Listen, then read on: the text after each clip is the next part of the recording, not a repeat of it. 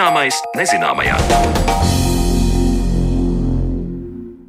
Esiet sveicināti redzējumā, zināmais nezināmajā. Ar jums kopā turpmāko stundu būšu es Sandra Kropa, un šodien mūsu uzmanība būs pievērsta melnajam stārķim. Putnam, kurš sastopams te uz simts valstīs no Eiropas ziemeļiem līdz pat Āfrikas dienvidiem, un kas Latvijas dabas aizsardzībā kalpo par simbolu sugām, kur apstākļi Latvijas teritorijā ir apdraudēti. Kā klājas melnajam stārķim šobrīd un kā meža infrastruktūra ietekmē melno stārķu barošanās iespējas, par to jau pēc brīža mums stāstīs ornitologs Māris Strasts. Bet pirms tam uzzināsim, kurām putnu sugām Latvijā dzīves apstākļi ir uzlabojušies. Bieži vien mēs runājam par klimata pārmaiņu negatīvo ietekmi, taču ir putnu sugas, kurām tās ir nākušas par labu. Piemēram, sarkanā klība, kuras populācija ir pieaugusi. Tā teica ornitologs Viesturs Čērus. Par to, kādām vēl putnu sugām situācija ir uzlabojusies gan Latvijā, gan Eiropā, viņš stāsta manai kolēģei Zanai Lācei Baltalksnē. Jaunais Eiropas putnu sarkanais saraksts atklāja, ka ir apdraudēti 13% Eiropas putnu sugu.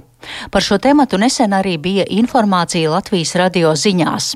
Ornitoloģijas biedrībā par pētījumu informēja, ka pēdējās desmitgadēs populācijas ir sarukušas apmēram trešajai daļai Eiropas putnu sugu. Vienlaikus ziņojums rāda arī veiksmes stāstus. 47 sugas ir klasificētas zemāk apdraudējuma kategorijā, salīdzinot ar iepriekšējo vērtējumu. No Latvijā regulāri likstojošām putnu sugām stāvoklis Eiropā kopumā ir uzlabojies sarkanajai klijai, sudrabkājai un plukšķim, kas Eiropā tagad tiek uzskatītas par drošām sugām kādi ir iemesli un kāpēc varam runāt par vairākām putnu sugām pozitīvā gaisotnē, to attālināti ierakstītā intervijā stāsta Latvijas ornitoloģijas biedrības valdes priekšsēdētājs Viesturs Ķērus. Taču pirms tam viņš vieš skaidrību, kāda ir atšķirība starp apdraudētu sugu un sarūkošu.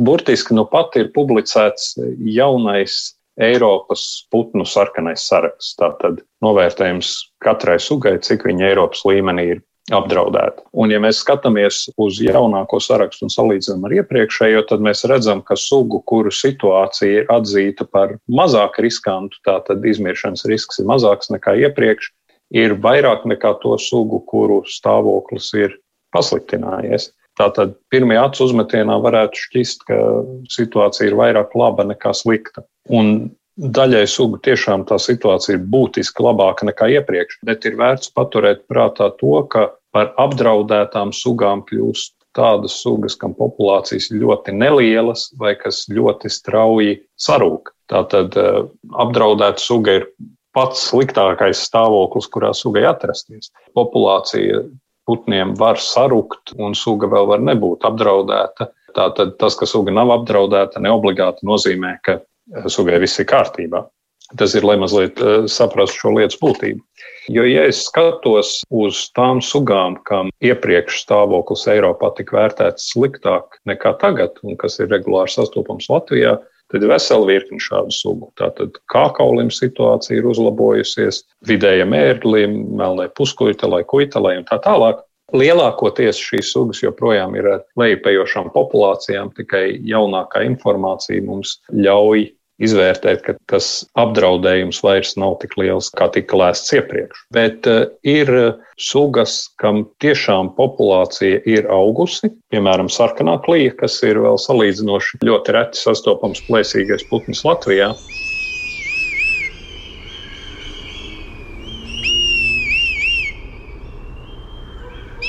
Bet, kā mēs redzam, ar visu to, ka viņi ļoti reti, mēs redzam populācijas pieaugumu arī Latvijā. Mēs tagad redzam, ka ir populācija augusi arī Eiropā kopumā, dažādu iemeslu dēļ. Tostarp tāpēc, ka šur tur viņi cilvēki labprāt piebaro ziemā, tā kā mēs e, zīlītes, vai tāpēc, ka ziemā ir e, mazāk sniega, tātad klimata pārmaiņas, kas daudzām sugām nāk par sliktu, šai sugai nākuši pa labu. Un eh, tajā ziņā varbūt sarkanā kliet jūras ēgļu pēdās, jo jūras ēglis jau iepriekš tika vērtēts kā droša suga, tāpēc ka jūras ēglis ir piedzīvojis eh, skaita augšupēju Eiropā jau kādu laiku iepriekš. savulaik cietis no DDT un citiem pesticīdiem, cietis no tā, ka plēsīgi putni ne tikai Latvijā, bet arī citur ir bijuši uzskatīti par kaitīgiem un mīdējamiem. Tagad jūras eļļu populācija ļoti labi atkopjas un um, sugas aizsardzība tur ir palīdzējusi.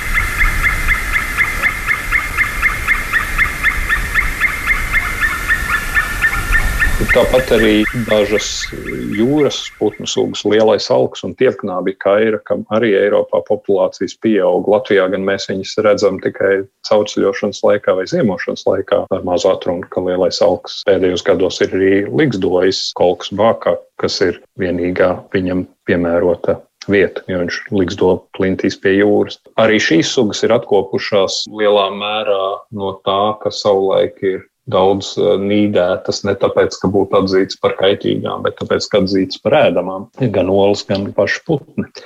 Piedod, ka es iejaukšos, es gribu pajautāt par tām savvaļas putnu olām un to vākšanu ēšanai. Par kuriem laikiem mēs runājam?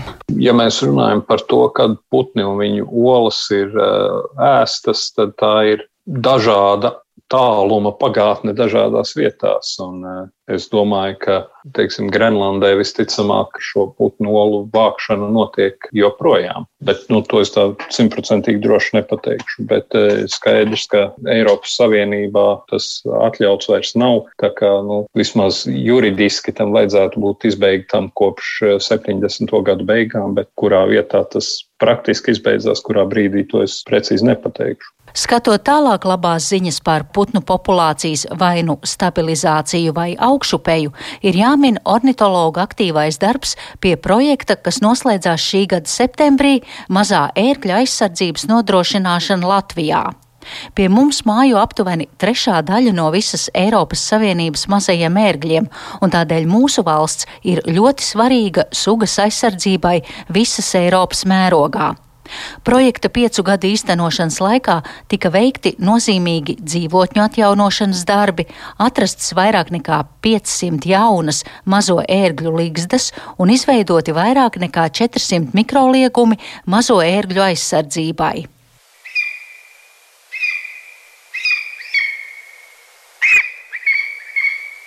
Mazais ērglis ir viens no piemēriem, kur Latvija ir īpaši liela atbildība šīs sugas aizsardzībai Eiropā kopumā, tāpēc ka Latvijā līdzdo neproporcionāli daudz mazo ērgļu, ja mēs ņemam vērā Latvijas platību un Latvijas dabas fonda īstenotā projekta ietvaros, kur uh, aktīvs partners bija arī Latvijas ornitoloģijas biedrība. Šī projekta ietvaros ir uh, bijis iespējams nodrošināt daudzu līdz šim neaizsargātu mazo ērgļu līgstu aizsardzību, kas palīdz konkrētajiem putniem. Bet, ja mēs skatāmies tālākā nākotnē, es domāju, ka vēl vērtīgāki darbi ir mazā ērgļu sugas aizsardzības plāns, kas palīdzēs sugu aizsargāt ilgtermiņā, ja viņš tiks godprātīgi īstenots. Tāpat arī ir aktualizēts jautājums par to, lai meža īpašnieki saņemtu tādas kompensācijas, kas viņus dara priecīgākus nekā līdz šim, un cerams, ka tas galu galā rezultēsies ar uzlabojumiem kompensāciju sistēmā. Šobrīd mazajam ērklim Latvijā klājas salīdzinoši labi lielā mērā. Es domāju, tieši tāpēc, ka ir izdevies aizsargāt eh, salīdzinoši daudzas līgzdošanas vietas šai sugai. Skatot tālāk sarakstu par jaunāko putnu sugu situāciju, ir jāņem vērā, ka vēl nav publicēta detalizēta informācija par katru sugu, un šobrīd ir runa tikai par putnu apdraudētības novērtējumu un tendenci, bilst viesturs ķērus.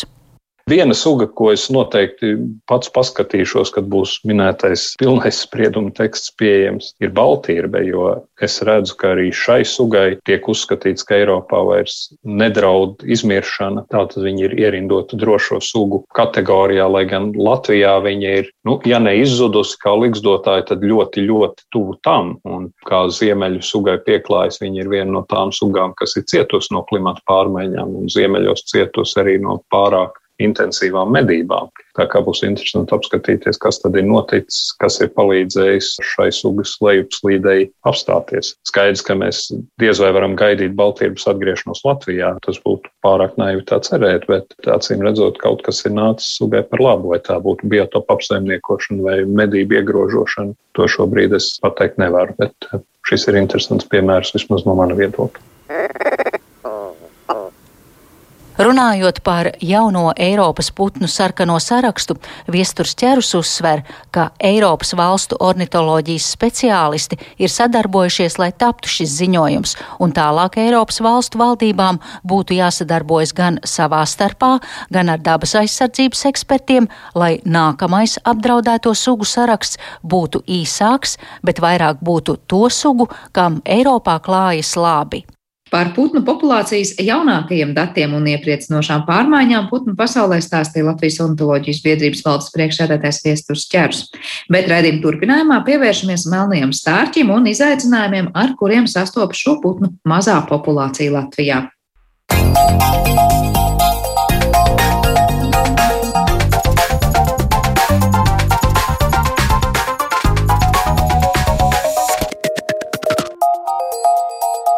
Zināmais nezināmajā.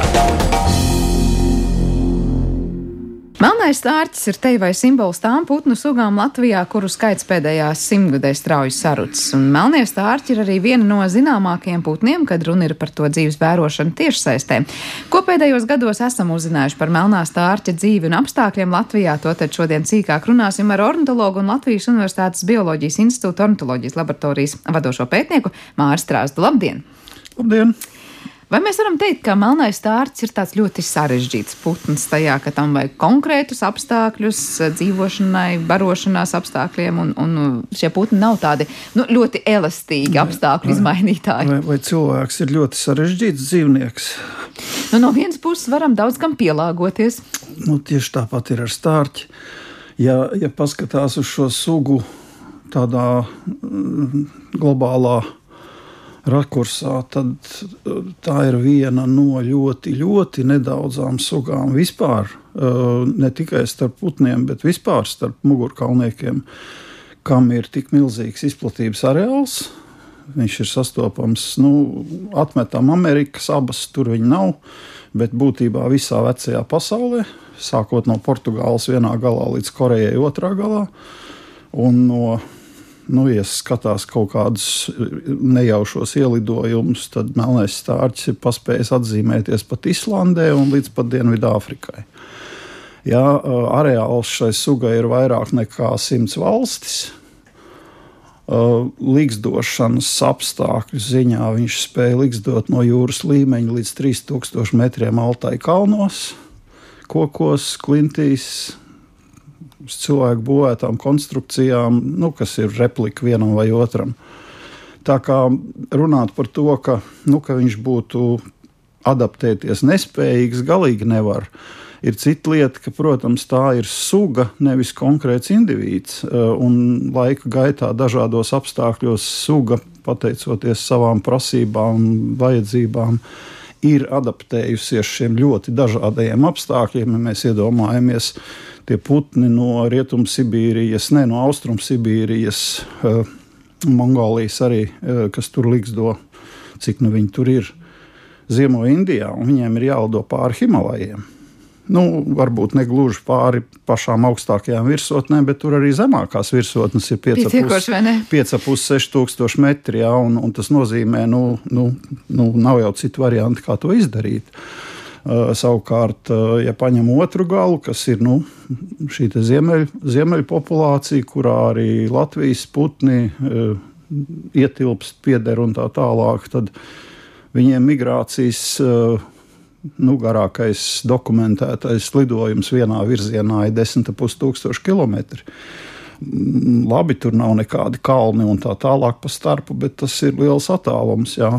Tas nav Pat ar lidmašīnu tas ir liels attālums, ja, bet tam putnam jau tas ir pašam jānolido.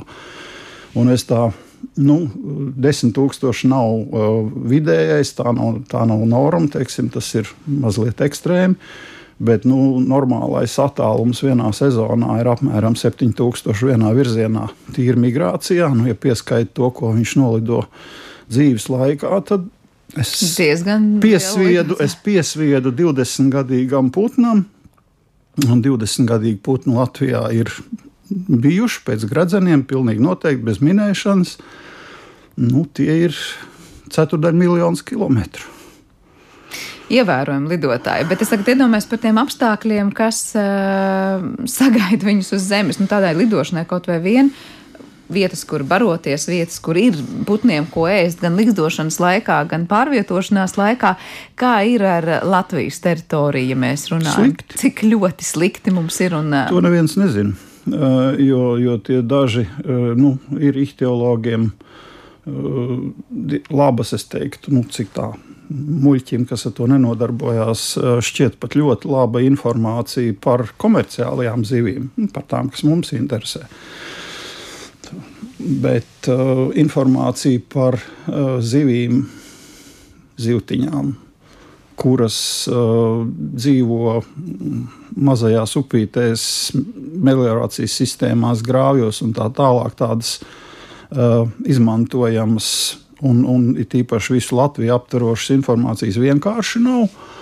Uh, Makšķernieki arī varbūt ir liels blāķis cilvēku, kurus aptaujājot, varētu iegūt izcilu informāciju par to, cik kur un cik liels forels mums ir sastopams, jo tā ir nu, tā teikt, zivs, kas interesē un ir vesela uh, foreļotāju armija, kas ar to vien nodarbojās un droši vien var par, uzzināt par, par nezinu, zandartiem, līdakām un, un tam līdzīgām lielām zivīm, bet paprasiet, tā teikt, uztaisiet apjā, aptauju, kāda situācija ar kazragu. Nu, deviņādāts stagaru smalki izsakoties, ja, kas ir uh, mazuļbarošanas laikā iespējams absolūti vissvarīgākā zivs. Tāpēc, ka tad, kad tas cālītis ir dažas dienas, nedēļas vecs, viņš ir mazāks nekā plauksts.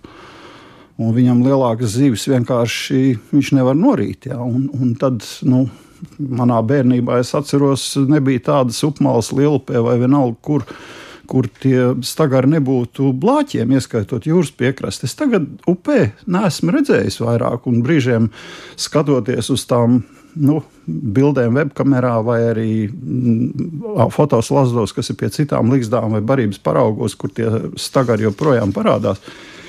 Man reāli izbrīna tas, kā tie putni vispār spēja kaut ko atrast uh, dažās situācijās.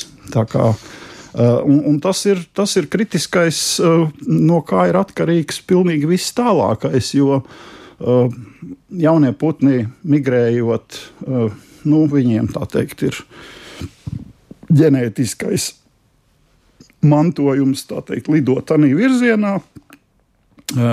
Bet viss tālākais ir atkarīgs no, uh, no, no, no veiksmes. Un, ja viņš ir sliktā kondīcijā, līdz atstājot, tad viņam tā nu, rezerve jā. sameklēt kaut ko vienkārši laika ziņā. Nu, var jau paveikties, bet uh, ar to paveikšanos ir, ir, ir tā kā, nu, nu, kā ar paveikšanos, jā, cik cilvēki ir laimējuši loterijā. Daži ir. Bet tajā brīdī, ja, ja sākt būvēt savu biznesa plānu, to, ka es vinnēšu miljonu šogad un miljonu nākošu gadu, un tas man būs kapitāls, laikam, ka neviena banka tā teikt uz to neparakstītos. Ja, un, un, un tieši tāpat nu, tie putni, kas ir švaki, vai nu nesasniedz vispār Āfriku pirmajā lidojumā, dažādiem iemeslu dēļ. Un, teiksim, tad, kad mums bija tas raidītāja projekts un dažās citās valstīs viņš turpinās, joprojām kopējais uh, jauno putnu izsakoto skaits jau ir bišķi pār pa simtu. Tas ir jau ļoti cienījams skaits. 80% pirmajā gadā aiziet bojā. Vidēji. Mm -hmm. Latvijā tas skaits bija vēl lielāks. Uh, ir ļoti liels uh, projekts Vācijā, vairākus gadus uh, turpinās joprojām. Uh, un, un vāciešiem daļa putnu lido pa uh, rietumu ceļu, tas ir pāri Gibraltāram uz, uz Rietumu Āfriku, daļa tāpat kā mūsējie pa austrumu ceļu. Arī viņiem austrumu ceļu putnu izdzīvotība ir daudz mazāka. Nu, viens no iemesliem ir tas, ka migrācijas attālums austrumu ceļā ir lielāks. Līdz ar to vienkārši ilgāks laiks jāpavada, lielāks, vairāk ir nepieciešams šīs labās barošanās vietas, atpūtas vietas, un, un, un nu, vienkārši tiem putniem varbūt ir jābūt bišķi labākā kondīcijā. Un, un tas, tas viņu stāvoklis līgstu pametot ir absolūti kritiskais parametrs tālākajām sekmēm. Bet runājot par tām vietām, kas šeit uz vietas, piemēram, likstojošiem putniem Latvijā, ir tas, nu, kā saka, ne, neļauj tiem sagatavoties ne tikai pienācīgi lidojumam, bet varbūt vispār pat izdzīvot tepat uz vietas. Es saprotu, ka izskanēja šogad tās bāžas par to, ka grāvju tuvums, ja likstu teritorijā ir pietiekoši liels un patiesībā ļoti bieži ir tā, ka līgstas patiesībā, līgstas tuvumā esošie grāvi izžūst un putniem nav ko ēst. Nu, grāvi jau tiek taisīti, tāpēc, lai viņi ūdenī novadītu no meža. Tā ir viena no tādām, es gribētu teikt, absolūti strateģiskām problēmām. Tāpēc, ka vairums šo meža meliorācijas sistēmu, es runāšu tikai par mežiem, bet tas principā attiecās uz meliorāciju vispār. Bet, nu, Eh, tad, kad bija šīs masveida eh, naudas apgūšanas kampaņas piecgadu plāna ietvaros, tie bija nu, sākot no 50. gadu beigām, kad tas vēl bija ļoti maz, bet 60. un 70. gadi. Nu, tā vienkārši sakot, pirms 50 gadiem. Eh, kad nu, es gribētu teikt, diez vai Eh, visos un daudzos gadījumos eh, katra konkrētā vieta, kur tas tika izdarīts, eh, tas būtu bijis jādara pat no šī ūdens novadīšanas viedokļa. Vajadzēja izrakt noteiktu grāvju skaitu, vajadzēja izpildīt piecgadu plānu, un, te, un apmēram tā tas arī tika darīts. Tanī laikā ūdensceļu kopgarums Latvijas mežos ir palielināts trīs reizes salīdzinot ar dabīgajām upītēm, kuras mums arī ir ļoti daudz. Un tas uh, lielais koncepts aiz tā mums uh, nokrišņi ir vairāk nekā iztvaiko. Mēs esam viena no ļoti, ļoti mazā procentuālā izpratnē daļām pasaulē, kur ir šāda problēma. Visur ir otrādi lielākoties. Un tas, kas ir noticis pa šiem 50 gadiem, šis fona koncepts ir mainījies. Man nav datu, es nenodarbojos ar metroloģiju. Eh, es domāju, ka tādi kaut kur ir, bet eh, nu, vienkārši skatoties uz to, kas notiek, es gribētu teikt, ka mums vairs nav par daudz ūdens. Mums viņa sāk trūkt. Eh, ļoti daudz kur akās pazuda ūdens. Nu, tāpēc, ka gruntsvudens līmenis ir nokrities pagājušas dažas, dažas eh, ļoti sausās vasaras. Nu, šogad uh, augusts bija tāds uh, lietains, kas iespējams mazliet izglāba situāciju, bet, bet nelaime jau ir tā, ka ja pavasarī putns atlido un to dati rāda, ka ūdens daudzums nu, apkārt Ligzdai, nu, tā viņa saimniecībā, kur kuru principā viņš pārzina, tāpēc ka likstojošie putni ir vismaz trīs gadus veci. Uh, nu, ir pamats domāt, ka vismaz daļa no viņiem to teritoriju ir iepazinuši jau iepriekš. Nu, tas nozīmē, ka viņš zina, kur kas ir. Un uh, apkārt Ligzdai ir daudz ūdens.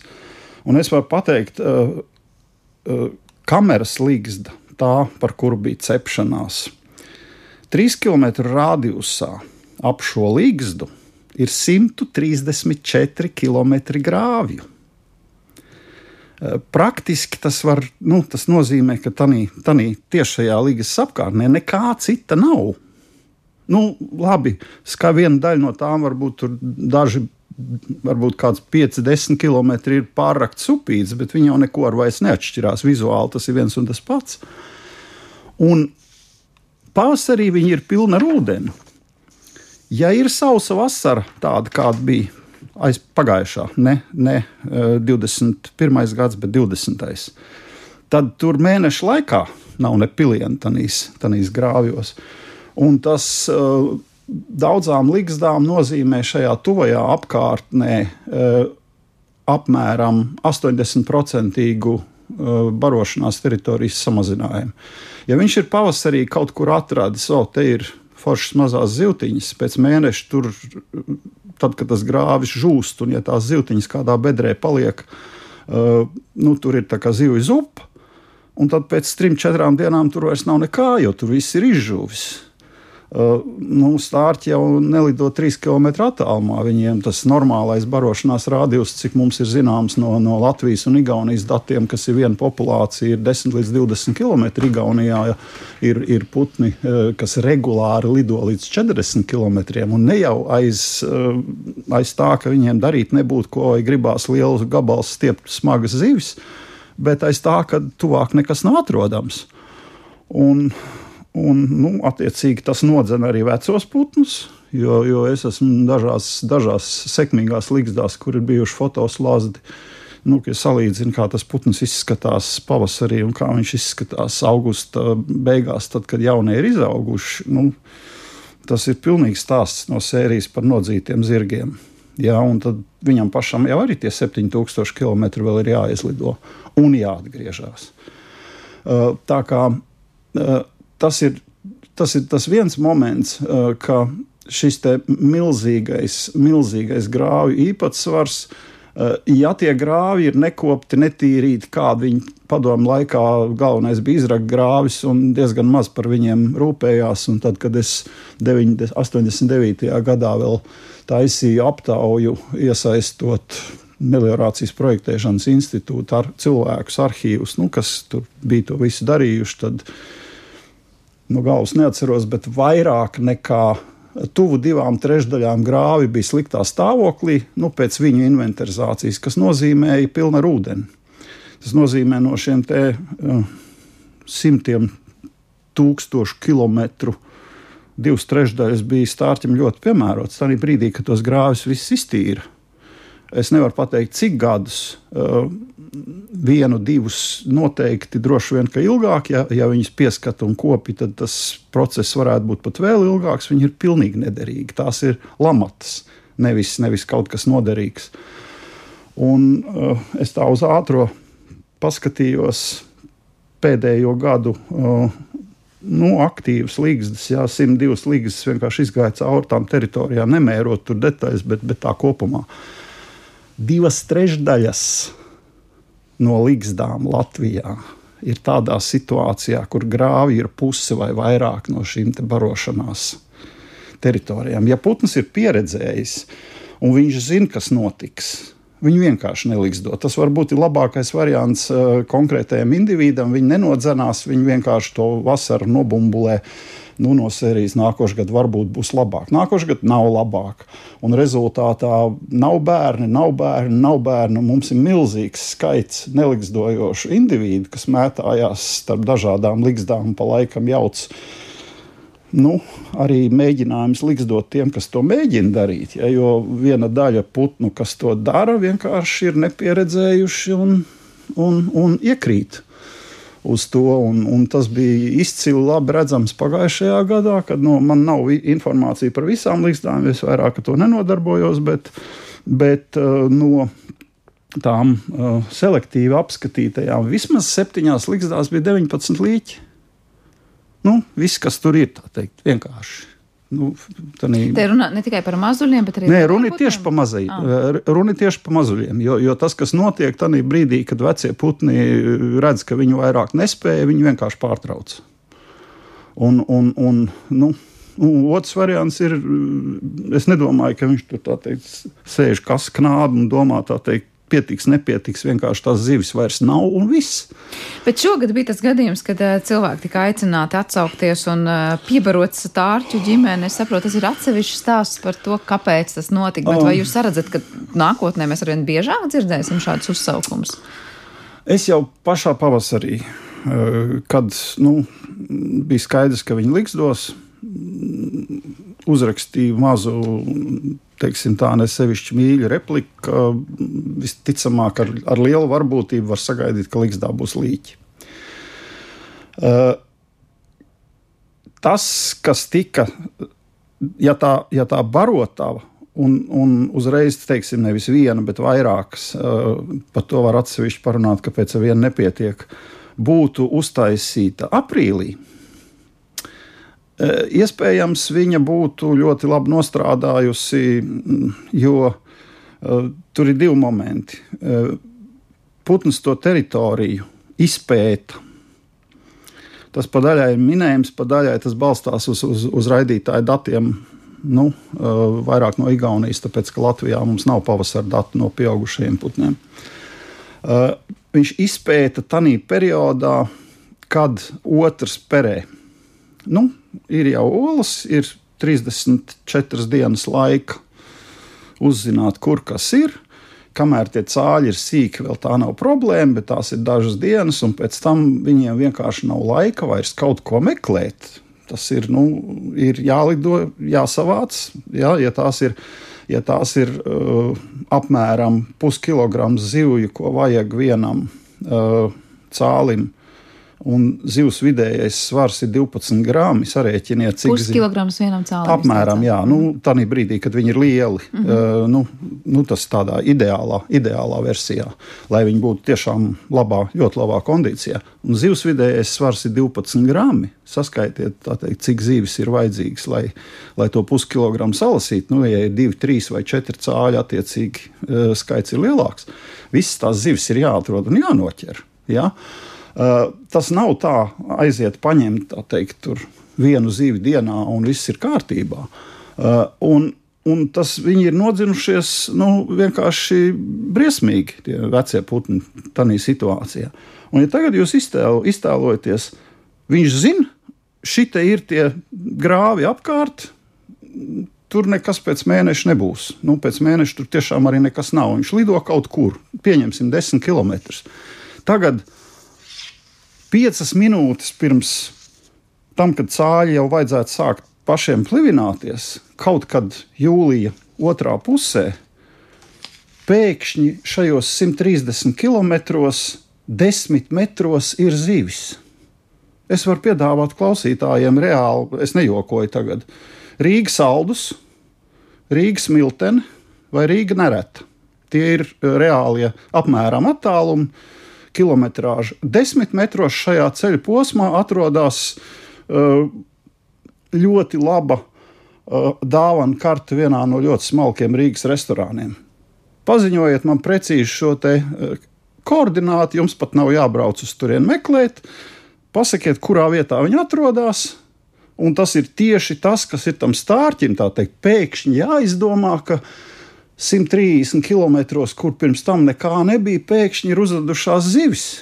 Kā viņš to var zināt? Jo viņš tur neskatās. Tur, ja, ja, tur, ja grāvis ir izžuvis un pēc tam viņā parādās ūdens, tās zivis jau tur uzreiz neuzrodās. Viņš vienalga ir tukšs, tāpēc ka viņš ir bijis izžuvis. Un, lai tās zivis no upītes ienāktu, tas prasa ļoti ilgu laiku, un tam ūdenim tur jābūt pastāvīgi. Uh, tas barotavas ierīkošana pie Ligzdas jūlijā vidū ir nu, nu, nu, pilnīgi bezjēdzīgs pasākums. Otrs moments. Tas ir zināms no datiem uh, Igaunijā, kur ir daudz vairāk šādas informācijas. Viņi ir arī ķēruši vairāk putnus. Pat tad, ja tā barotava tam putnam ir labi zināma, un viņš viņu apmeklē regulāri, viņš nekad neizēd visu kas iespējams ir evolucionāri uh, izveidojies, nu, tā teikt, nenoplicināt to. Tur ir varbūt simts zivis, viņš paņems piecas un lidos uz citurieni. Protams, tas nav situācijas risinājums, bet, ja tā ir konkrētais, nezinu, ārkārtas vai krīzes gadījums, un ja tas putns vēl ir tajā liksdā un blakus viņam noliek tās zivis, tas arī nav risinājums pabarot to putnu īsi pirms došanās ceļā. Nu, tas atrisina to, ka viņš nomirs nevis acu priekšā kamerā, bet uh, izlidos no viņas ārā, un tas notiks, uh, nezinu, 100 metru no līgas, 500 metru no līgas vai, vai, vai. Kondīcija nerodās no vienas pārēšanās nu, vai pat no piecām pāri. Ja viņam Ligzdā ir jāpavada 90 dienas, tad viņam ir jābūt pēdušam, nu, es teikšu, 65 no tām, nevis 5. Nu, nevar. Nu, cilvēks, kurš ir ilgi bijis badā, eh, var nomirt no tā, ka viņš pārēdās. Tādā ziņā es nedomāju, ka viņa fizioloģija radikāli atšķirtos. Nerodās tie tauki pēkšņi. Nu, no nekā. No nekā. Kā ar apstākļiem, kad pašas līgstas atrodas vietā, nu, es pieņemu, mežstrādes dēļ, kas tiek atsektas, tā kā, nu, kā uz paplātes arī stārķu kādiem citiem dabiskajiem ienaidniekiem? Nu, tas ir papildus faktors, kas nenāk pa labu, tāpēc, ka eh, šo, šī brīža meža saimniecība uh, ir radījusi nu, diezgan labus uh, apstākļus jūras ērglim kas uh, principā nav absolūti nav specifisks stārķa ienaidnieks, bet viņš ir nespecifisks top, top plēsējs, kas ēd pilnīgi visu, un ja viņam pietrūkst uh, nu, teiksim, tā, kaut kāda viena barība, tad viņš ēd jebko citu. Un mm, viena daļa, nedaudz, bet ir tādi pieaugušie jūras ērgļi, kas ir uh, Latvijā diezgan specializējušies uz baltajiem stārķiem, tāpēc ka viņi ir daudz. Nu, un, Nu, es pieļauju, ka krāsas atšķirības palvās nav tas uh, kritiskākais parametrs. Un, ja ir viens tāds specializējies jūras ērglis, kurš varbūt noskata šīs te uh, noplicinātās, viegli piekļūstamās līgstas, un, un jūras ērglis arī dzīvo līdz 30 gadiem, un ja viņš tur 20 gadus teikt, pēc kārtas viss iztīra, tad šobrīd ir Latvijas nu, ir, ir uh, šīs jūras ēļu postītās līgas ir visos reģionos, bet uh, tā ģenerāli runājot, dobels apkārtnē no kaut kādām desmit dzīvām līgstām mm, ilgu vairāku gadu gaitā. Astoņas ir iztīrītas, un pagājušo gadu uh, divi Igaunijas jaunie putni ar raidītājiem tika apēsti apmēram tādā pašā reģionā. Pie vainas visticamāk arī tad bija jūras ērglis. Jā, Nu, izklausās, Tas ir ka, klāt visam pārējām. Izklausās, tiešām melnam stārķim ir ļoti neapskaužami apstākļi nu, no visām pusēm skatoties. Gan tas, kurās, kādas ir tās apkārtnes līgstu tūmā ar barības trūkumu, gan to, kādas tās ir atsektas, kad, kad tie paši kļūst par barību kādam citam. Varbūt pamazām noslēdzot šo sarunu, kādai ir jābūt tai dzīves vietai un vidē, kurā melnais stārts varētu līgzdot veiksmīgi un droši, vai mēs runājam tie tie vecie mm, koki, augstie koki, vecie meži, kas ir viena problēma, tad jau pieminētā meliorācija, kas ir otra. Kādu jūs saredzat to risinājumu? Mm, es nesaredzu risinājumu. Bet ar kaut ko būtu Latvijā, jāsāk. Latvijā uh, par laimi šai sugai viņai ir ļoti augsta mobilitāte. Uh, teiksim tā, pārvietojums uh, nu, starp, arī starp šķilšanās vietu un līgzdošanas vietu. Nu, mūsu Eh, vienīgais raidītāja putns, kurš joprojām darbojās un ir dzīves, Marija ir tam dzīves piemērs. Teikt, viņa izspruka sekmīgi vienā līgzdā netālu no Dobeles, kur viņa ir šķīlusies. Eh, to līgstu pirms tam un pēc tam izpostīja jūras ērglis, bet nu, viņa teikt, bija vienā gadā, kas bija sekmīga. Un viņi izvēlējās kā līgzdošanas vietu Prūsiju, 240 km no savas dzimtās līgstas. Iespējams, ka galvenais faktors izvēlē bija tas, ka Austrumprūsija, nu, Kaļiņgrads apgabals eh, pēc tagadējā, eh, ja paskatās uz meža saimnieciskās darbības intensitāti, tur viņas vienkārši nav. Nu, tā teritorija droši vien piepačkāta ar militārajām bāzēm, bet saimnieciskā darbība mežos tur tikpat kā nenotiek. Un, ja paskatās visapkārt, ne, ne, ne, ne specifiski Latvija, bet Latvija, Lietuva, Polija, nu, visas tās apkārtējās teritorijas, tad uh, tā ir tāda zaļa saliņa, kur ir miers tādā ziņā. Varbūt tā ir sakritība, varbūt tā nav sakritība. Uh, un, bet tie ir 240 km no, no, no dzimtās līgas. Nu, tas nozīmē, uh, sliktā ziņa mūsu kontekstā ir tā, ka, uh, un tas ir viens dārziņš, kur cilvēki brēc. Igaunijā viss ir labāk, Igauni, Igauni mums ir priekšā, Igauni mums ir priekšā arī šī ziņā. Viņiem ir palikuši knapi 20 pāri melnie stārķi. Un es ceru, ka vismaz šajā ziņā mēs Igaunus nekad nesasniegsim, bet mēs straujam uz to. Uh, bet tas, ka Igaunijā vairs nav uh, putnu vai viņi ir ļoti maz, nozīmē, ka mums tikpat kā nav caurceļotāji. Uh, Igaunijā likstošanas sekmes arī ir dramatiski sliktas. Nav vietējo, kas tur atgrieztos. Uh, un teiksim, kaut kādi centrāli Eiropas putni, kur vēl situācija ir pietiekami laba, vai tie, kas ligzdo zemajos kalnos, ir ļoti maz izredzes, ka viņi dosies tik tālu uz ziemeļiem kaut ko meklēt. Kā sugai, melnajam stārķim visdrīzāk strateģiski nekas ļoti slikts nedraud. Tieši pateicoties tam milzu areālam un tam, ka ir pietiekami daudz valstis, kur viņam iet labāk nekā pie mums Latvijā. Fundamentāli lielākā problēma mežos ir ceļu būve, kas iznīcina masīvus kā tādus, pie tam neatgriezeniski.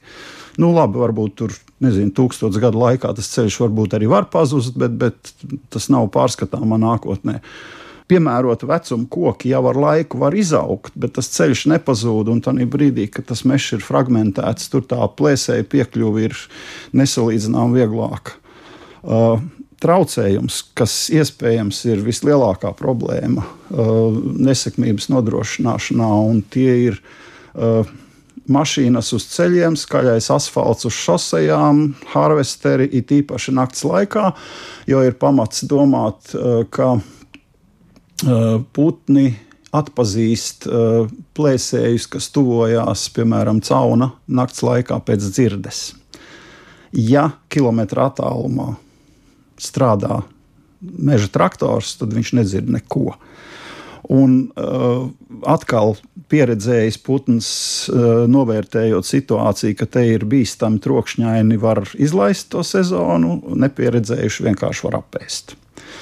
Uh, beidzās tas bez bērniem, jebkurā gadījumā, un uh, tā ejot uz priekšu, uz priekšu, uz priekšu, šis bērnu skaits ir uh, arvien mazāks un putnu skaits ir arvien mazāks. Ja kaut ko grib darīt un grib glābt situāciju Latvijā, tad vajag pēc kārtas likvidēt visus mazos hesus. Absolūti pirmais, absolūti pirmais. Jo, jo tas, ko izdarīja uh, šī akcija, sabojājot lielāko daļu tieši stārta barošanās upes, un, un es pat varu uzreiz nosaukt pirmo, ar ko vajadzētu sākt uz dienvidu susējas, jo tur vienā gadā pēc tās uzbūvēšanas desmit līgas aizgāja pa pieskari. Paceļot upē līmeni burtiski pa dažiem metriem, un es nevaru iedomāties, eh, cik liels ir šis eh, enerģis, enerģijas eh, pienesums šim Hesam pret to, ko viņš ir izpostījis. Patiesībā ļoti kompleksu problēmu iezīmējāt, un tā melnais stāsts ir tāds, nu, no vienas puses simbols, no otras puses realitāte, kas parāda, cik ļoti no dažādiem apstākļiem skatoties tās problēmas, citu, citu papildina un akumulē. Viņš, viņš parāda, cik labi mēs gribam dzīvot un cik stulbi mēs esam mēģinot to sasniegt. Paldies jums par šo sarunu. Es ceru, ka nevienam no mums vien bija ko likt aiz auss un padomāt par to, kādi ir tie konkrētie vidas apstākļi, kādus mēs sagādājam šiem putniem un kāpēc nav jābrīnās par to, ka melno stārķu mums kļūst ar vien mazāk un, kā jau teicāt, Igaunijā situācija jau ir Pavisam slikta. Mārs Strāsts, Latvijas Universitātes Bioloģijas institūta ornitoloģijas laboratorijas vadošais pētnieks, ornitologs šodien viesojās pie mums studijā. Paldies par sarunu. Par šo raidījumu parūpējās producenta Paula Gulbinska un mūzikas redaktors šai stundai bija Girds Bišs. Savukārt ar jums kopā bija Sandra Kropa un mēs tiekamies atkal rīt. Vislabāk!